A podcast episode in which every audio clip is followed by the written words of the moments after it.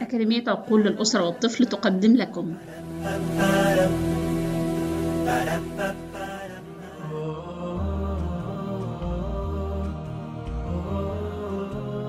النصيحة 22 عندما لا تجد الأم إجابة على أسئلة طفلها أو لا تعرف الإجابة عليها أن تعترف له أنها لا تعرف وأنها ستبحث معه عن الإجابة من خلال القراءة أو البحث على شبكة الإنترنت.